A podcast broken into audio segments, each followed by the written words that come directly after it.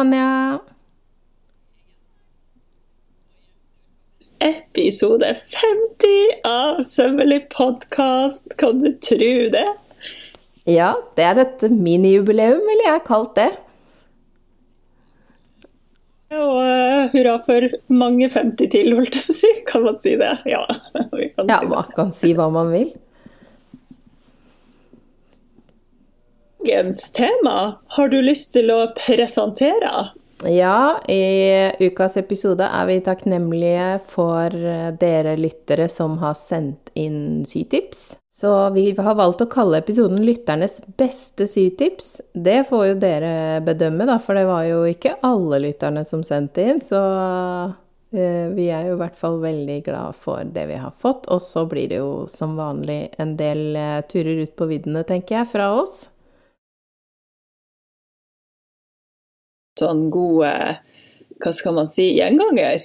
At man kan ha sånn Hver 50. episode kan jo være lytternes beste sytips. Eller kanskje litt oftere. Ja. For jeg er helt sikker på at det er mange sytips der ute som enda ikke har nådd oss. Så eh, ja, hvis eh, dere vil få sytipset deres på lufta, følg med når vi spør etter det, og skriv inn til oss. Eller Lurt. send, eh, eller send eh, Det er ingen som har sendt eh, telefonsvarer, da. Nei. Husk at det, det blir vi jo veldig glad for. Kanskje dere blir skremt av at jeg skal ha sånne sterke reaksjoner hver gang. Jeg lover det. Da skal, skal jeg jo vite om det på forhånd. Ja. OK. Skal vi Vi har jo ei eh, lita smørbrødliste her. Og eh, tanken er å bare jobbe seg nedover og gå gjennom disse her. Så nå får dere liksom bare masse gode tips eh, den neste lille timen. Og så tenker jeg at go. mange kanskje kommer på sånn Å, nå har jeg jo et tips. Å, det burde jeg jo ha sendt inn. Da kan dere bare skrive det til oss, så putter vi det inn i dokumentet vårt til neste gang. Ja. Good, good, good. Mm. OK. Skal du ta det første, da? Så tar vi annenhver. Ja, jeg tar det første. Og det er Yes. da Marte, som kaller seg Plagg for plagg på Instagram. Hun har signert med navnet sitt, så da har vi lov til å si hvem det er. Og for henne så var det liksom en skikkelig game changer å få seg stingplate til rett søm. Eh, og det betyr jo at det da uh, hullet i stingplata er mye mindre, sånn at ikke stoffet blir stappa nedi liksom, eh, når man syr i tynne og lette stoffer. Og hun har også et bonustips eh, som også handler om glatte og lette stoffer, og det er at man kan feste dem til klippebordet med teip, for da danser det ikke så mye rundt på bordet når man skal klippe. Det stiller jeg meg veldig bak det tipset der. Det har jeg aldri prøvd. Men så har jeg også et bord i kork, veldig bevisst. Mm. Fordi at det får ikke mulighet til å danse på Godt kork. poeng, Kork ja. er ikke dansbart. Godt poeng. Yes. Ja, det er stinkplate for rett søm. Stiller meg bak den. Eh, Da kan man jo kun sy rett søm, da, som, som navnet tilsier. Men uh, veldig digg. Mm. Og veldig presise sømmer. Ja. OK. Eh, neste tips er egentlig et, et eh, slags uh, Flere som stiller seg bak det tipset her. Hva skal jeg si? Det er et uh, kombotips, det er det ikke. Men ja. Det er et tips som mange har kommet med. Og det er at når man jobber med stoffer der det er vanskelig å se hva som er rettsida og vrangsida på stoffet, så kan man bruke en liten bit maskeringsteip og teip på vranga. Det her har jeg heller aldri gjort, for jeg, mener, jeg setter bare et kryss med krittet Mm. på vranga. Det er liksom min vane. Men eh, ja, maskeringsteip er det tydeligvis mange som bruker. Jeg setter to knappenåler i et kryss på rettsiden for å si liksom det er her det skjer. Det her skjer, ja. Mm. Og da, ja, det gjør jeg motsatt. Men jeg kritter jo, så jeg vil helst ikke kritte på rett sted. Ja, ja. Eh, og hvis man har mange små deler som ligner på hverandre, her er BH et kjempegodt eksempel på det, da kan man også markere, skrive på teipen eh, hva de forskjellige tingene Ja. er. Ja, ikke sant. For hvis man da bruker et mønster, og så kan man skrive sånn mønsterdel B, A, B, C, bla, bla, bla. Mm. Lurt. Maskeringsteip, altså. For det skal jo Og da regner jeg jo med at det ikke etterlater noen eh, lim- eller teiprester på stoffet. Det er derfor man bruker maskeringsteip. Ja. Men kanskje verdt å sjekke på en liten prøvelapp først. ja. Og sånn washi-teip eller sånn papirteip, eh, eller generelt bare en litt dårlig teip, er jo veldig greit. en som bare sitter sånn passe. Passe godt. Mm. OK. Next. Eh, da er det Marion, som kaller seg Saumrom på Instagram, som sier ta deg tid. Da blir resultatet pent og humøret på topp. Helt enig. Ikke skynd dere, folkens, selv om det er veldig fristende. Bare pust og bruk den tiden det tar. Amen. Så, ja, dette her har vi jo snakka om i den episoden der vi hadde våre beste sytips òg. Ja. Godt tips. Ja. Ja, neste på lista er Senab. Hun kaller seg da Senabs syrom, med punktum imellom der, på Insta, og sier stryk en gang for mye enn en gang for lite. Eh, Stryk en gang for lite, ja. Og da snakker vi om sant, at man presser og bruker damp og stryker gjerne eh, aktivt når man jobber, som en del av søvnprosessen. Mm. Men man kan faktisk stryke for mye, og da får man Ja. gjennomslag. Eh, så ja. vær eh, Stryk gjerne mye og ofte, men ikke press for hardt. Eh, stryk helst fra vranga, og er forsiktig med vrangen. Da kan du stryke så mye du vil. Ja, og, og her åh, Nå blir jeg jo sære dama, da, men jeg må bare si jeg stryker aldri når jeg syr. Eller jo, kanskje, hvis Det ting har blitt krøllete. Men jeg presser. Jeg presser, ikke sant? Det er Ja. det man gjør. Altså, det, det, den tekniske biten av søm som omhandler strykejernet, er jo pressing, det er ikke Mm. stryking. Stryking gjør du på bunadsskjorta på 17. mai, liksom. Eller helst ja, litt før 17. mai. stryking føler jeg er et samlebegrep for uh, alt man kan gjøre med strykejernet. Eh, Ja. Men jeg damper jo mer enn jeg presser, som regel. Jeg damper gjerne med, Ja, med dampen, og så bruker jeg fingrene til å presse hvis, Press, eh, ja. hvis jeg vil være forsiktig. Ja, for det, å, der kommer vi jo inn på sant? alt annet presseutstyr som ikke er hjerne, Som er liksom kaldjern og ja, bla, bla, bla. Mm. Men det jeg ikke liker med ordet stryking, er at jeg ser for meg den bevegelsen frem og tilbake. Du vet, ja, sånn Ja. stryk frem Ja. og tilbake. Det er jo ikke det man gjør. Man Nei. gjør jo det veldig sjeldent. Ja. Og hvis man gjør det, så kan man jo faktisk risikere å, å gjøre det feil. Ja. Jeg er ganske Så sikker på at Senab mener bruk strykejernet. Ja, Mye. ja, ja. Ja. He, ja, men bare sånn at jeg føler at vi ikke må villede nybegynnerne der ute til å tro at man skal drive og liksom stryke ting. Det er ikke det det er snakk om. Nei. Ja. Og som for å sitere min eh, lærer på skolen, som jeg sikkert har sagt før, alt ordner seg i pressa. Det er en grunn til det, det sitatet, og det er at hvis ting ikke ser helt sånn 100% ut når du har sydd det, så er det veldig mye som blir veldig mye penere av å få en runde med strykejern. Eh, Ja. Og det er jo på en måte det som er greia her, da. Det er et Ja, og- hjelpemiddel man bør bruke underveis mens man syr. Og der er det veldig mye teknikk. Åh, eh, sorry, altså, nå må jeg skyte inn. Fordi eh, på de der webinarrekkene jeg hadde før jul, det hadde jo en, sånn, et webinar om pressing. Og jeg tror det var det som var minst populært, fordi folk sikkert ikke tror at det er så mye å lære. Men det var det eh, webinaret jeg fikk mest tilbakemeldinger på. Så herregud, mind blown, liksom. Jeg trodde ikke det var så mye å vite om hvordan man presser underveis, eh, på en måte. At, at det er så mye man kan gjøre og få ting til å se så mye mer profesjonelt ut med å bruke hjernen riktig. Wow. Jeg har lyst til å se det sjøl, av. Bare for å se om det er noen ting jeg ikke gjør som du gjør.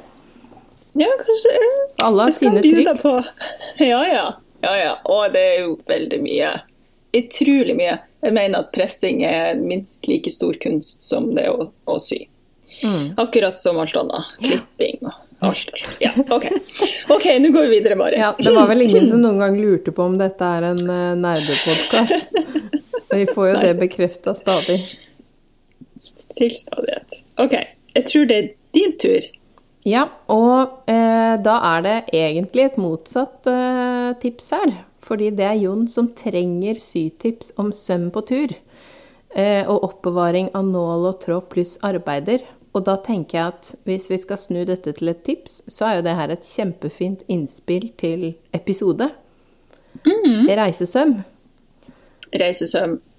Så kan jo jeg Yes. bare kjapt eh, snike inn. Guro-bagen er topp til dette her. Og en sånn liten portemonee fra bruktbutikk eller loppemarked, altså en sånn litt diger lommebok, har jeg sånn Når jeg strikker, så har jeg alltid med meg en sånn liten saks og noen nåler og diverse greier til strikkinga, og de har jeg oppi en sånn portemonee. Sånn, Ja, eller sånn pass Du vet ja, sånn passgreie, ja. Ja. ja. Uh, kult. Så en litt, eh, en litt stor lommebok eller en litt eh, liten kløtsjveske er perfekt eh, til utstyr på tur. Også, men den Guro-bagen kombinerer jo egentlig alt, da. Men jeg har begge deler. Ja. Så det var ja. Og nåler kan man jo ha en sånn Jeg har en sånn liten nåle... nåle etui. Ja, du har sånn eh, tom leppepomade på en måte som man også kan bruke. Ja, jeg har, en tom, jeg har, jeg har brukt, eh, gjenbrukt en tom leppepomade. For det er jo litt gøy at man bare kan skru, og så kommer nålene liksom opp. Mm. Eh, men så har en sånn gammeldags tresak også. Ja. En sånn liten, ja, er Som ser ut som en leppestift til tre, på en måte, som jeg kan åpne. Mm. Ja. De er fine. Jeg har også noe lignende, men uh, jeg pleier ikke å ta dem med så mye rundt, fordi de, det er ikke plass til de store nålene mine i dem. Men jeg har dem til de små, Ah. og så har jeg de store i Mine er lokket ganske på denne svære, kløtsjen. skjønner du. Ja, Ja, jeg har plass til sånn stor stoppenål til og med. ja, ja, det har ikke jeg. Mm. Ja, men da skal jeg Ja. undersøke litt mer på det området. Ja, så det, Yes. det håper jeg var til hjelp, men vi skal notere oss det tipset som sånn eh, tips til innhold eh, utover eh, kanskje rundt påsketider. At folk trenger å ta med seg noe på påskeferie hvis man får lov til å dra på noe påskeferie i år. Ja. Noter, det er notert. Det er notert. Ok, neste tips. Dette tipset syns jeg det er litt vanskelig å lese. Men jeg, eh, jeg ser også at jeg har skrevet det feil, så det tar jeg Nei, det er ikke ansvar for. derfor. Jeg ser det er en skriveleif her, men det er ikke derfor jeg syns det er vanskelig. Men jeg leser. Dobbeltsidig teip når du skal bytte glidelås i noe. Sett teipen utafor eller innafor der du skal sy. Ja, så ikke akkurat der nåla skal gå, da, så man ikke syr inn i teipen. For det tror jeg ikke er så uh, digg for maskiner. Men utafor eller innafor der man skal sy. Ja. Mari, hjelp meg. Nå, det som Tanja sitter og sliter litt med nå, er at hun ikke har lyst til å ha noe lim eller teip involvert i sin sypraksis. Ja. Og så er det vanskelig å beskrive det på en finurlig måte. Har jeg rett? Ja, det er rett. Og altså, sånn sett, jeg ønsker ikke å diktere hvordan andre skal praktisere søm. Så om noen ønsker å bruke teip, eh, så er det for så vidt helt greit. Men jeg har aldri gjort sjøl, og for meg er det litt sånn hvis jeg ikke klarer å sy det uten teip, da må jeg øve mer. Og da øver jeg mer helt til jeg får det til. Ja. Så det er, litt, det er rett og slett bare derfor at jeg syns dette her er, er vanskelig å, å uttale meg om, da. Mm. Hvis du ikke er like nerd som oss og vil ha et enkelt hjelpemiddel, så er jo sånne type ting som eh, dobbeltsidig teip eller en sånn limpenn og sånn, det er jo til hjelp hvis man er i en situasjon hvor ting må gjøres, og man ikke kan sitte og øve i en hel dag før man får det til. Ja. Ja. Og så um, tenker jeg eh, Eller hva var det jeg skulle si? Jo, det finnes, det, jeg vet jo at det finnes sånn at sybutikker til og med selger det, og kaller det for Hva er det de kaller det? Wondertape. Eh, ja, ikke sant. Wondertape. Liksom. At det, finnes jo, det er jo tydeligvis et marked der ute av folk som bruker det, siden det selges produkter for det. Det kan jeg skrive Så, under på at det er, det er eh, Jeg vet ikke hvor mange ganger jeg har hørt folk skryte av Wondertape, så det er definitivt eh, poppis. Et marked. Ja. Ja. Altså, jeg tenker åh, Sorry, nå må jeg bare si det her. Hvis du kjenner maskina di godt nok, og du vet hva du syr på, og du vet hvordan stoffet oppfører seg, trenger ikke teip. Men hvis du ikke orker å bry deg om alt det, så er det bra med teip. Ja. Ja. Kjenn på dette selv, folkens. Ingen Ja. dømmer dere. Yes. OK. Da er det jeg som skal lese neste tips, ja. Eh, og det er at man kan sette maskinene, altså symaskinene, på en liten duk eller tøybit, sånn at det er enkelt å dra fram den man skal bruke, hvis man har flere maskiner. Og da vil jeg jo også legge til at eh, hvis eh, man har et litt sånn vinglete bord, eller det kan bli liksom mye risting i bordplata og, og sånn Hva skal jeg si? Litt sånn skranglete stemning. Så hvis den er litt sånn filtaktig, da, så blir, vil jo den være som en sånn slags støtdemper. Ja, så en liten sånn eh, tjukk filt under maskina, ja. Mm. Mm. For den tar liksom bort litt av det der hvis maskina er veldig sånn der, sånn sy veldig hakket, og man nesten føler den begynner å hoppe. Skjønner ja. du hva jeg mener? Da, jeg skjønner hva du mener. Da kan en sånn filt, altså noe med litt tjukkelse, da, kan på en måte dempe litt av det, sånn at ikke man føler at det bare ljomer i hele bordet. Mm. ja, det, godt tips. Ja, det er en sånn Nå var det nok antageligvis ikke akkurat det hun mente, som sendte det inn, eh, at, men, eh, men, det er flere grunner til at det kan være kjekt da, med denne biten under. Ja. Mm. Godt.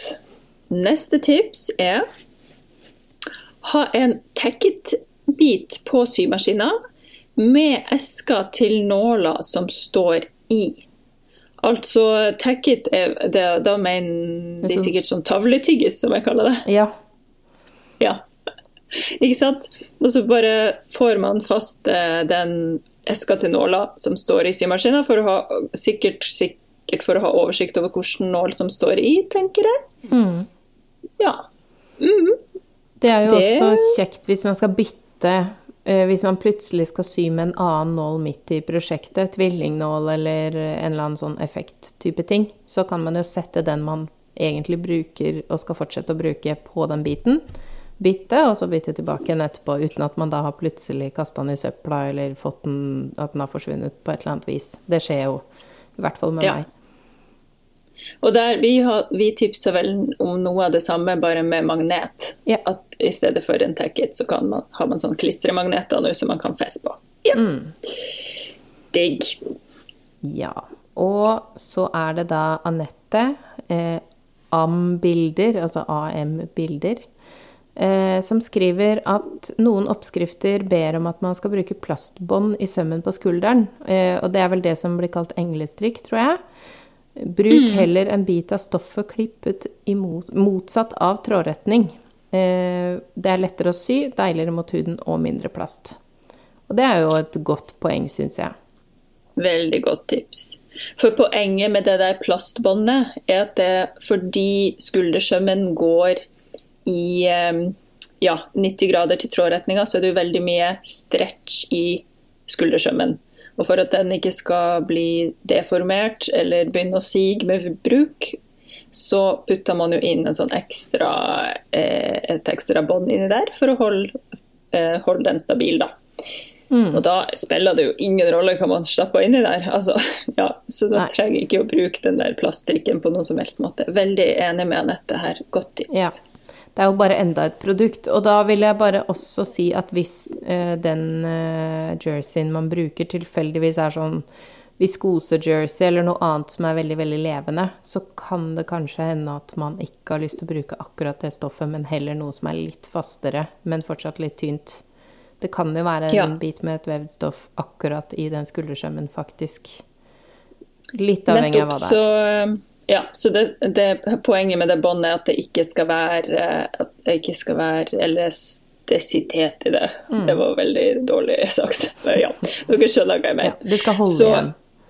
klipp det i den retninga som er minst stretchy, rett og slett. Ja. ja. Neste tips er fra samme, samme person, Anette. Takk for to tips. Det er hyggelig. Mm. Eh, og det her Tipset er jo også veldig kjekt. Jeg skriver overlokk klippekantene på stoffet før du vasker dem. Og det er da hvis man vasker stoffene før man syrer de. Så i stedet for å bare slenge det rett i eh, vaskemaskinen fra butikken eller fra hvor enn du har fått tak i det, så eh, overlokk råkantene. Da slipper du at det frynser seg opp, og så drar du ut en sånn pølse som er, som er tvunnet inn i sine egne tråder. Ja, det signerer jeg også. Enig. OK, neste. Ja, da er det franske sømmer ti av ti ganger. Hilsen en som ikke har overlock og ikke er fan av sikksakk. Da sier vel vi amen Ja. Og hurra. og hurra. Tror ikke det er noe mer å si. Tror vi går videre på neste Og tips. franske sømmer er mye enklere enn man tror. Det høres komplisert ut, og det kan virke komplisert. Er ikke det. Går så mye fortere enn det du skulle trodd. Ser i, I min bok ser 100 ganger mer profesjonelt ut enn både overlock og hva enn annen sikksakk og alt det der. Mm. Og du trenger ingenting annet enn en vanlig rettsømsmaskin. Helt Ja. genialt. Det er ganske fantastisk. Yes. OK, neste her. Det her syns jeg er litt artig. Dette, dette tipset fikk meg til å smile. Jeg bruker skalpell i stedet for sprettekniv. Da tenker jeg yes. Eh, går sykt fort, står det her. Eh, men ikke på supersarte stoffer, vel å merke. Ja. Så artig. Har du noen gang prøvd det. å bruke ja, skalpell? Ja, ja. Jeg kan absolutt absolutt finne på å gjøre det. Men altså, snakker vi Nå ser jeg for meg sånn kirurgisk skalpell, bare. Er det Nei, det vi snakker altså- om? Eller snakker vi om sånn hobbyskalpell? Det man må se for seg, det er egentlig samme hva man bruker, men hvis man åpner opp sømmen lite grann, og bare kommer så vidt borti med noe veldig skarpt, så er det bare sånn eh, Ritch, ratch, så er den jo åpen. Så, Ja. Sånn at hvis man da Det det handler om, er jo at den, kun sømmen må være tilgjengelig, så man holder alt det andre bort. Og så bare fører man det liksom langs sømmen bortover mens man drar stoffet ut. Det er en teknikk inne i bildet her. Så hvis man er veldig klønete og skjærer seg fort, så bør man kanskje ikke gjøre det. Men, eh, men det hender jeg gjør det når jeg er sånn åh, gidder ikke å sprette på vanlig måte, eller i den Altså på litt sånn røffe ting, da, så er det veldig effektivt. Ja, for altså, hvis jeg har Jeg bruker jo på en måte sprettekniven på, med samme teknikken, og da liksom putta den en Ja, jeg bare putta den enden med rød tutt Ja. nedi, sånn at det ikke spidda stoffet. Mm. Og så kjører jeg på. Men, men det, som, det som gjorde meg veldig eh, glad av det her tipset, var jo det her med at det faktisk at det står skalpell, hvis du skjønner. Mm. Ja, det høres liksom litt groteskt ut.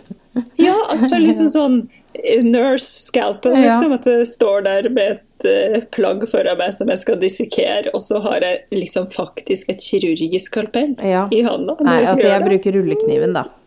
For det blir Ja, jo som en skalpell. Hmm, For den har jeg jo allerede liggende Det er jo grunnen til at jeg har funnet ut dette, er jo fordi jeg har bare sånn sittet ved bordet og Å ja, nei, å, jeg må ta opp igjen den. Ja, der ligger den. Ja, da bare prøver jeg å bruke Bruker den. det. Ja. Ja. Så jeg syns det har eh, Jeg syns det fungerer, men eh, det er smak og behag.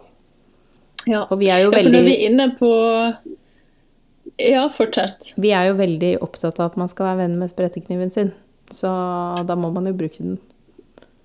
Ja, ja. Eller skalpelle, for den saks skyld. Ja. Men når vi først er inne på sånn eh, andre, så kirurgiske redskap i søm, så kom jeg på en annen ting. Du vet den der lange, lange saksa som er sånn klypesaks? Jeg er litt usikker på hva du mener med klypesaks. Å ja, Ah, okay. i, i legenes verden. Ja, Ja, ja, ja, kirurg, ja, ja, altså sånn kirurgisk klype. Ja. Eller noen har kanskje vært så uheldig å måtte være borti den hos gynekologen og sånn. Sorry for, Ja. for den, for jeg, den vet, jeg vet nå hvem, hvilken du mener. Ja, ikke sant? Den eh, har jeg jo sett folk bruker når de syr.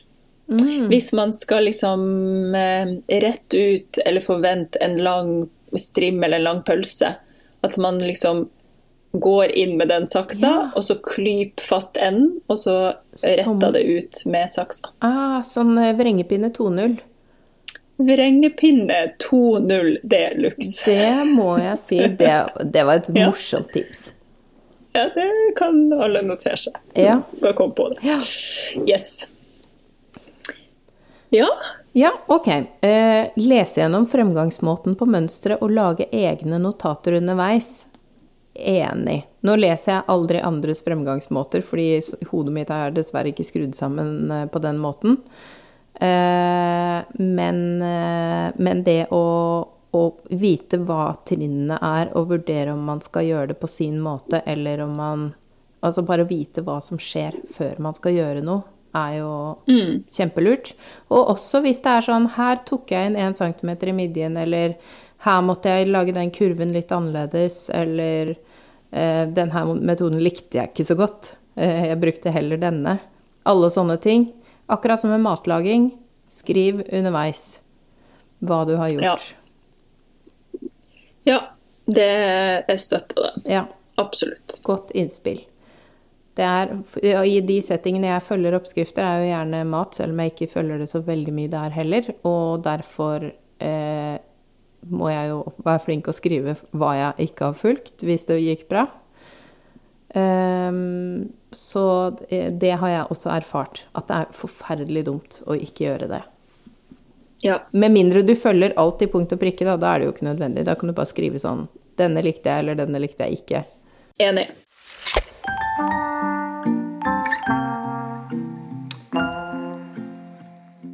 Neste tips.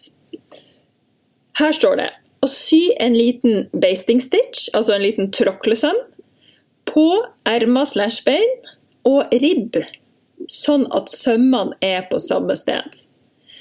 Eh, her måtte jeg tenke litt, og vi måtte dekode litt. Men det vi her tror er ment, er for å få liksom For ermet og beina er jo sydd sammen i en søm.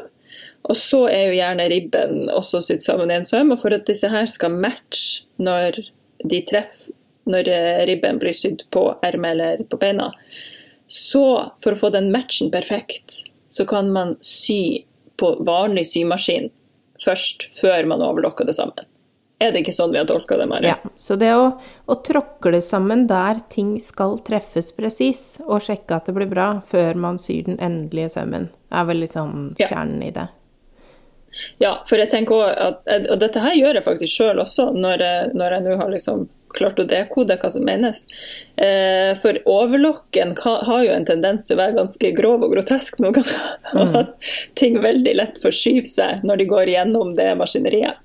Så bare få liksom sydd det på vanlig symaskin først, syns jeg også er et godt tips. Ja. Enig. Um, da er det et tips. Eh, måler alltid at ribben går over hodet mitt før jeg syr den på plagget. Dette føler jeg må føye til en del utropstegn etter. Kjempepoeng. Veldig Ja. lurt å måle at ting passer over hodet uh, på det plagget som skal gå over hodet.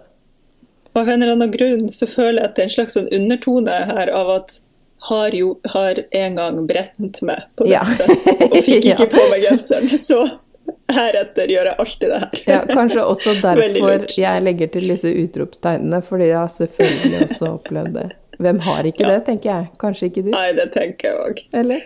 Yes. Jo, jo, jeg, jeg tror det. Om, kanskje ikke hals, men at noen mansjetter har blitt for trang, eller hva vet jeg. Altså sånn, ja, det har garantert skjedd. Mm. Ja. Yes. OK. Neste tips. Bruk tekstillim for å sy sammen velur. Ja, da bare hopper jeg inn her, fordi jeg vet at du ikke har lyst til å si så mye om liming. Eh, Men det er jo igjen da ting som er vanskelig å sy. Det vil si velur, jeg kommer jo i den eh, sjangeren, for det sklir jo veldig. Alt som sklir og sånn. Så liker folk å bruke diverse ting som fester litt grann på forhånd. Og vi kan bare la det tipset henge. Du trenger jo ikke å mene noe om det du, Tonja. Du vet at jeg mener masse, men jeg trenger ikke å si hva jeg mener. ikke å si Mm, det. Det er greit. Ja. Folk må gjøre som de vil. Helt sant. Ja. Helt sant. OK. Neste tips, da. Eh, sy ribb sammen slik at den automatisk bretter seg slik den skal være. Og det jeg tror hun mener, er at man, eh, man har sydd sammen ribben sånn som den Altså først i kortendene, og så bretta den rundt. Og da når den er på en måte bretta med den ene Altså det er jo brettekanten som skal være synlig, og så blir det jo to råkanter som skal treffes når man skal legge den samme plagget. At de to råkantene er allerede festa sammen før man legger ribben på plagget, tror jeg at det er ment her. Er du enig? Ja, for med en gang det blir tre lag med stoff, så kan det jo igjen skli ganske lett, spesielt inn i en overlock. Ja, det har vel alle Eh, opplevd. Ja, jeg tolker det også sånn. Ja. Da har man liksom ett lag mindre å bry seg om, for to henger sammen. ja. Mm. Det, det er et godt tips. Jeg er helt enig. Ja, OK. Nå kommer du. Du får ta. Altså, jeg kødder ikke. Til alle dere som hører på, her står det altså limpenn med to utropstegn. Folk elsker da- å lime ting sammen, Tanja. Sånn er det bare. Kan... Og jeg, helt ærlig, jeg blir faktisk litt lei meg. Og ikke sånn Ja, jeg bare tenker det, Man trenger jo ikke det, men jeg skjønner jo at det kanskje er veldig chill. Vet, oh, ok, vet du hva, dette her kunne jeg ikke hatt. må ha en hel episode som heter limpenn. Nei. Men nå, um, da skal jeg si vi da. Jeg har en sånn limpenn. Og Ja. hold deg fast, det hender at jeg bruker den. Og Ja. det er eksempel hvis jeg skal bare reparere noe plagg for barna i full fart, og ikke har tenkt å legge sjela mi i det fordi det sannsynligvis blir et nytt hull igjen om en uke. Ikke sant? Har litt limpenn bak, kjører det inn i maskina, sikksakk rundt lappen eller hva det nå er jeg bruker, hvilken teknikk som passer der og da. Får det sammen, fiks ferdig. Da gidder ikke jeg å sitte med tråklesøm og, og så videre. Og eh, manges forhold til søm er jo rent praktisk. Det er liksom å få ting gjort. Eh, Jo, ja, ja, ja. Og jobben skal Dette er jo en hobby, ikke sant? De skal kose seg litt. Jeg tenker gjør det som gjør deg glad. Ja. Det er helt sant. Jeg, har bare, jeg, jeg tror jeg bare har så lyst til å få folk til å kjenne på den gleden av å klare det uten limpenn. Og hvor mye tilfredsstillelse det kan gi at ha-ha, det er jeg som bestemmer, det er ikke Ja. stoffet. Jeg trenger ikke å lime det her sammen. Jeg skjønner akkurat hva som skjer, så jeg får det til uten. Ja. Men ja. Eh, Du har veldig gode poeng, Mari. Jeg må bare lære meg å leve med at vi alle er veldig forskjellige. OK, la oss gå videre. Har du lyst til å ta det neste, sånn at du kan få lande litt på noe som du er mer komfortabel med? Ja, takk. Skal vi se. Her er det om opplegg, eller uh, følg på uh, ja, skjørt og kjoler og hva enn. Her står det når man legger opp fall på skjørt, ikke start i én ende. Sett fire nåler, én i hver ende. Finn så midten mellom nålene, og midten mellom der igjen, osv. til alle nålene er på plass. Blir fint. Enig. Sannelig. Ja. Ja. Min foretrukne måte å nåle alt mulig på. Yes, helt enig, for da unngår man at man plutselig har dratt hele opplegget med seg hele veien rundt, og så sitter man med en kjempestor forskjell, eh, differanse et sted. Ja. Ja. Et eh, eksempel er jo A-forma skjørt, hvor man må brette inn litt grann volum. Eh, der hvor, eh, for det er jo breiere nederst enn det er lenger opp. Eh, og også sånn type sånn gardin eller en kant som er en lang kant. For da plutselig har man begynt på 1 cm i den ene enden, og så er det kanskje tre i den andre enden fordi man ikke har fulgt helt med. Det var sånn Jeg husker da jeg var kanskje sånn ti år og satt hjemme og, og sydde på egen hånd. Og kunne jeg ikke skjønne hvordan det skjedde hver eneste gang. Ikke sant? Så, Ja, det er et mysterium. ja, men det er altså fordel ting jevnt, og det gjelder jo alle Det her er også veldig fint hvis man rynker og skal fordele rynkene. At man har de der midtmarkeringene og sidemarkeringene på begge deler. Ja. Ja. Så er det da et tips. Jeg kom på en ting da dere snakket om glidelås og smøring. Min bestemor brukte såpe, var et tips her. Og det er jo et kjempetips. Såpe er jo ikke farlig for uh, verken glidelås eller klesplagg. Så vidt jeg vet. Ja, så helt enig. Stiller meg bak den. Og det fikk meg også til å tenke på eh, for oss som er glad i sånne gamle teakmøbler der skuffene gjerne er litt trege. Ja. Der bruker jeg også såpe eller stearinlys og bare gnir på i, i de sporene. Da går det så bra, vet du. Det skal jeg gå etterpå. Så skal jeg Ja. gå ned på, i klesskapet mitt. Gjøre det på alle skuffene i For jeg har jo teakkommoder til undertøy og belter og så, alt mulig. Yes. Gnikk og gnu. Gnikk og gnu. Perfekt. Ja. Godt tips. Godt tips. OK, neste her. Eh, her skriver en lytter hvis man ikke har fløyelsbrett eh, Og for de som ikke vet, fløyelsbrett er en slags sånn spikermatte som man bruker når man eh, presser fløyel. Så kan man bruke en bit fløyel. Legg fløyel rette mot rette og stryk forsiktig. Veldig godt tips, for da, når man legger det rett mot rette, så går jo hårene inn i hverandre på en måte og lager en slags liten buffer så man må fortsatt ikke stry, eh, stryke eller presse for hardt, men da har man i hvert fall litt å gå på. Og har man ikke så veldig mye fløyel, så er også håndkle et uh, godt tips her. Ja, lurt. Fluffy håndkle. Ja, med litt sånn ja, mm. froté. Mm. Digg, digg, digg. Og så er det jo et tips som kanskje kan være litt vanskelig nå i disse dager, men det er jo å dra på fysisk kurs. Men jeg tror jo at fremtiden er digitale kurs, så jeg tror at de samme aha-øyeblikkene som blir beskrevet her, kom, kan komme også ved Det er bare ikke helt det samme å sitte der hjemme på kurs, men det å dra på kurs er jo Det kan man lære masse av. Både av den som holder kurset, og av de andre deltakerne kan man jo plukke opp tips. Ja. Det er absolutt, absolutt et godt tips. Mm. OK. Nå er vi faktisk kommet helt eh, nederst på lista vår her. Ja. Og det tipset her syns jeg det, det, var en aha for meg. Eller jeg har aldri vært borti det før, så mm. nå gleder jeg meg til å dele med alle. Og takk til eh, deg som sendte det inn. Her står det Den trykkfoten med en svart knapp på sida har en innebygga humpjumper. Og her er det utropstegn, utropstegn, og det kjente jeg også da jeg leste det. Eh, altså det vil si at den låser trykkfoten i vannrett posisjon eh, ved tjukt parti, altså når man syr over tjukke partier, så den slipper å gå i oppoverbakke. Og her var det min første reaksjon her var sånn What?! Ja! Herregud. Men jeg tror eh, litt Mitt oppfølgingsspørsmål er med en gang hva slags symaskinmerke har du? Fordi jeg tror ikke FAF har den trykkfoten der. Jeg tror ikke jeg har det på min Bernina heller, men uh, nå har jeg aldri visst at jeg skulle se etter akkurat den funksjonen heller. Nei, så alle som hører på, spreng til symaskinen nå og sjekk om dere har en trykkfot da, som har en sånn svart Og jeg tror jeg skjønner hva hun mener nå. Jeg tror det er en sånn liten knapp med en sånn fjær på, hvis mm. jeg ikke tar helt feil.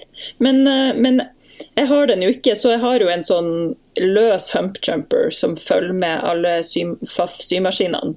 Mm. Um, som jeg bruker men hvis, ja, det finnes tydeligvis da også en trykkfot. Og så kanskje vi skal presisere hva en humpjumper er for noe? Ja. Kjør. For det er jo en sånn slags eh, etasjesak som man kan eh, Det er liksom en sånn med tre flapper, som man kan da justere hvor mange man skal bruke. Om alle tre ligger oppå hverandre, sånn plate på en måte.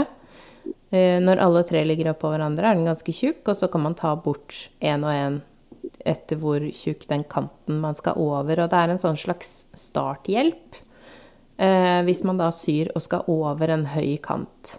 Og det jeg pleier å gjøre når jeg kommer på sånne høye kanter, er at jeg hjelper til litt sjøl. Jeg løfter opp og, og, og, bruker håndhjulet litt og gnukker litt til det funker. Jeg pleier aldri å bruke den humpjumperen. Um, men den legger man da på en måte bak på foten, da, sånn at ikke foten blir stående på skrå opp, men blir stående rett, for da hviler den på den humpjumperen. Var det greit nu, forklart? Ja, og vet du hva jeg ble klar over nå? Mm. At din humpjumper er helt annerledes enn min. Oh! Fordi min ser ut som en sånn liten V, på en måte. Eh, så det, det ikke, Den har ikke denne funksjonen at jeg kan ta av eller på lag, men den er litt Så den ser ut som en liten hoppbakke, eller hva jeg skal si, en liten V, mm. eh, som er ganske åpen, da, som en vid vinkel. Og på den ene sida så er den litt lavere, og på den andre sida så er den litt høyere, så det er liksom justeringa.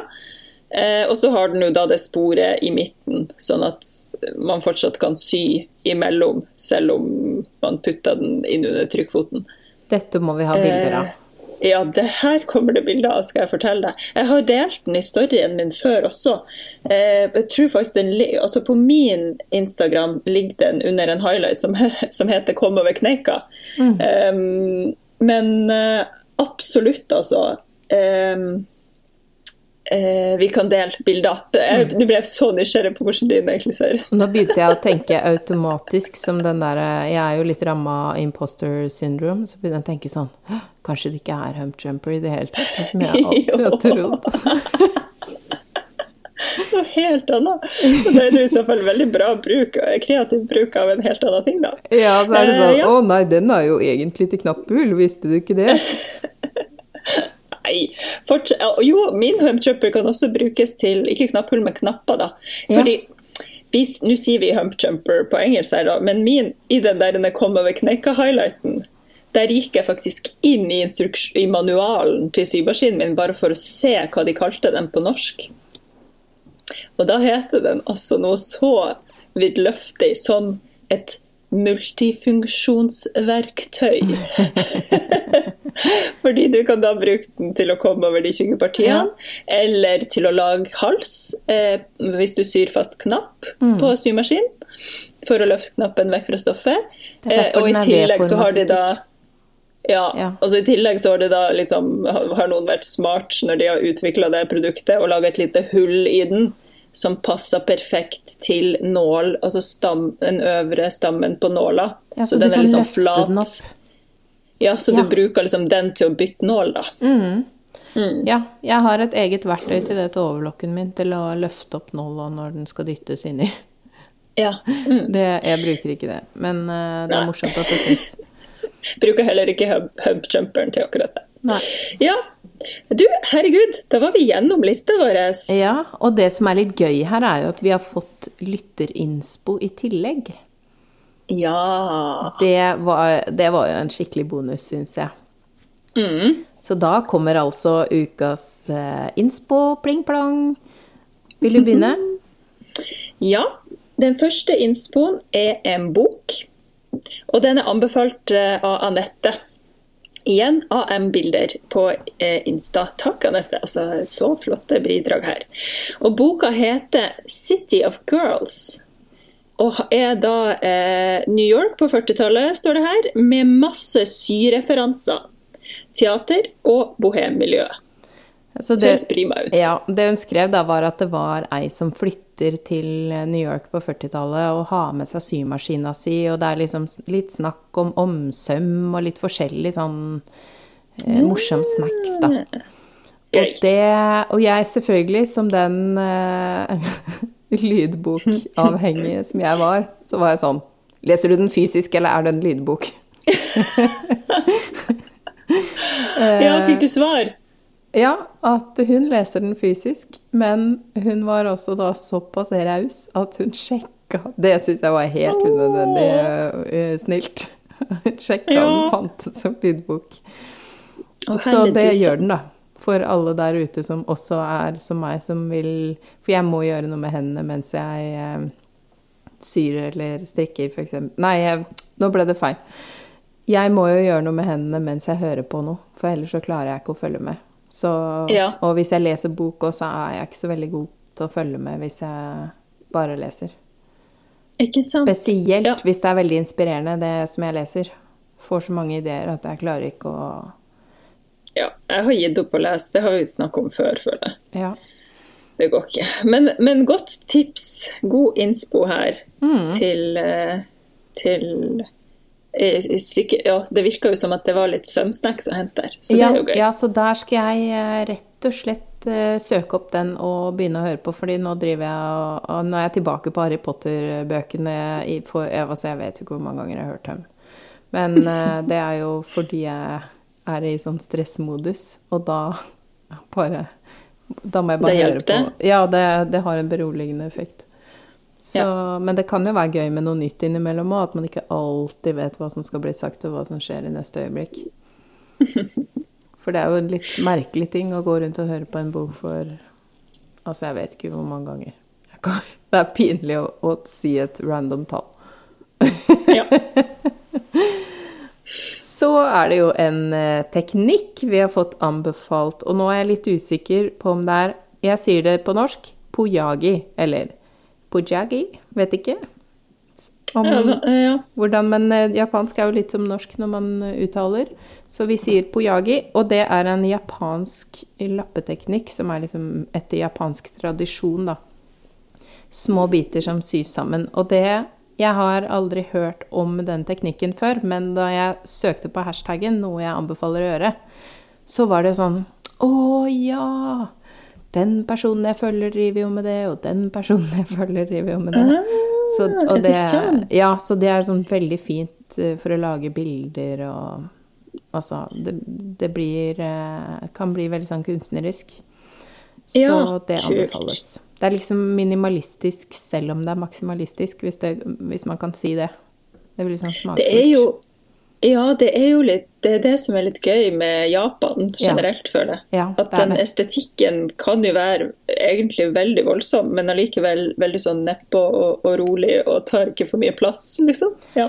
Altså, Japan er bare mitt sånt eh, Det er svaret på alle inspirasjonsspørsmål. Det er, Ja. Jeg er så megafan. Hvis man kan være fan av et land. Jeg føler jeg, jeg er nødt til, hvis man skal tro på tidligere liv, så tror jeg at jeg kommer derfra. det er Det, eh, det så mye skal du ikke se nydelig. bort ifra. Så mm, det var det. Og så vil jeg bare skyte inn at vi har jo også fått, ikke i forbindelse med denne episoden her, men sånn generelt, noen andre bokanbefalinger også.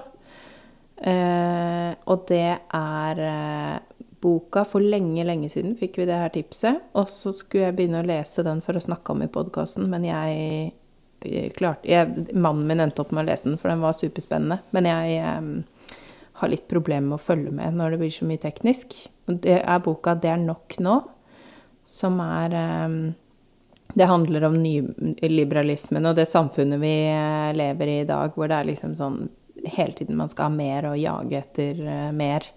Men noe må på en måte finne litt tilbake, da. På mange, på mange områder. Så denne boka tar for seg det på flere plan, og problemet for min del var nok at det starta veldig med det derre politiske, liksom samfunnsrelaterte, og det ble litt for mange sånn litt sånn tung terminologi for meg. Men boka er veldig interessant, og eh, vi har jo mange lyttere som er litt sånn som oss, opptatt av sånne ting. Så den, det er et lyttertips. Når vi først er inne på boktips, for vi har jo fått eh, flere som har tipsa oss om disse her bøkene også, som, er, som vi må bare ta med her nå. Og det er jo da bøkene av Ingunn Grimstad Klepp, som vi drømmer om å få inn på intervju her, og Tone Skårdal Tobiasson, som for så vidt også vi gjerne får en på intervju. på To tidspunkt forbilder. to store forbilder. Og bøkene det er snakk om, er da lettkledd og Er det lettstelt den Ja. andre heter? Ja. ja. eh, altså handler om, eh, kort fortalt, klær og miljø, som jo opptar mange av oss. Eh, og absolutt verdt å lese gjennom.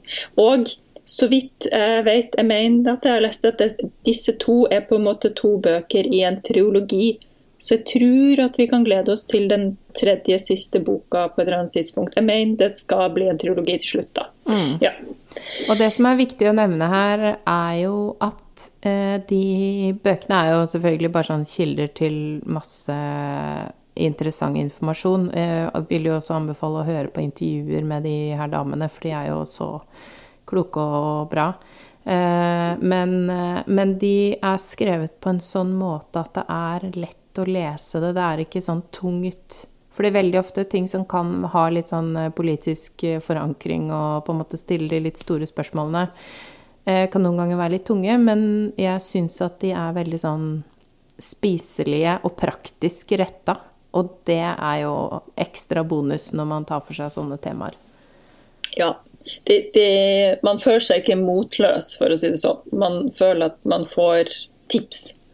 Kan vi ikke si det? At man liksom, at- Definitivt. ja.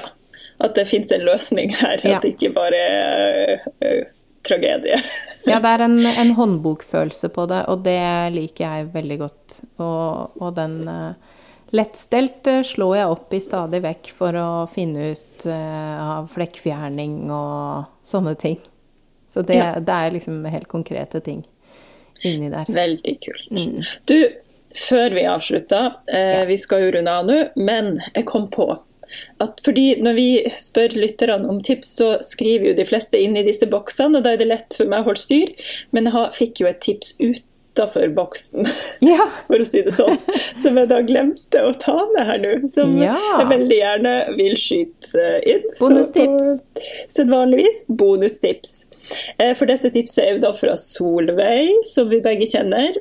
Som har vært lærling hos deg, Ja. som nå er, er kollega av oss. Eh, Så her står det. Når du skal lage utenpå syddelomma, lag en mal av stiv kartong, f.eks. en pizzaeske. Klipp rundt malen med 1,5 cm sømrom, eventuelt mer i toppen om den skal vrangsys. Og klipp med 1 eller Ja, klipp med 1 eller 1,5 cm sømrom. Så her gjentok hun seg sjøl. Det går Og bra. så press inn kantene rundt malen, altså rundt denne pappmalen. Så får du krispe lomma med rette kanter, og lommene blir helt like. Klem fra Solveig. Ja, takk Solveig. Og også en god påminnelse. For det å ha sånn strykemaler i papp vet jeg jo at mange bruker på kanten nederst på skjørtet og masse eh, Det er jo generelt et sånt megatips som vi ikke har nevnt tidligere. Ja, veldig lurt. Mm. Bra at jeg kom på det, for det her er et, eh, et gulltips. Ja. Gulltips inn i helga. Ja. OK. Fantastisk. Da Herlig. ble det jo en god og lang episode som alltid. Og vi må jo bare takke for alle tipsene. Vi syns det er så gøy når vi kan lage innhold som kommer fra dere. For det er liksom, da er det litt ekstra gøy for oss også, når vi på en måte må ta stilling til det og drodle litt rundt. Og blir det jo noen Og lære masse av dere òg. Det er jo kjempegøy. Herregud. Ja. Nydelig symbiose. Sharing is caring, og vi er veldig glad i dere. Ja.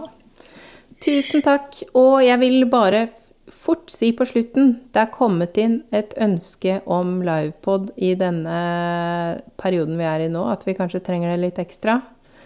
Vi er på saken, vet ikke når ennå. Da vet dere bare at dere må liksom følge med. Ja. Ja. OK. Da tror jeg at eh, vi sier takk for oss, og takk for nå. Og eh, god søvn til alle. Takk for i dag. Takk for i dag. Ha det. Ha det. Har du lyst på enda mer sømmelig innhold? Da kan du bli en støttekontakt eller en skytsengel for podden på Patrion. Da går du inn på www.patrion.com slash sommerlig. Der får du masse mer tips og triks, og kan også støtte podden så vi kan fortsette å produsere den. Har du noe ris eller ros, eller har lyst til å følge oss på sosiale medier, så finner du oss på Instagram. Der heter vi sommeli-podkast med k. Og du kan gjerne sende oss en mail på sommeli.podkastmedk.gmail.com. Og så vil vi si tusen takk til Andreas Prestmo i Wildhagen Studios, som eh, klipper og får oss til å høres fine ut. Og tusen takk til Synnøve Overid, som lager den fine musikken vår.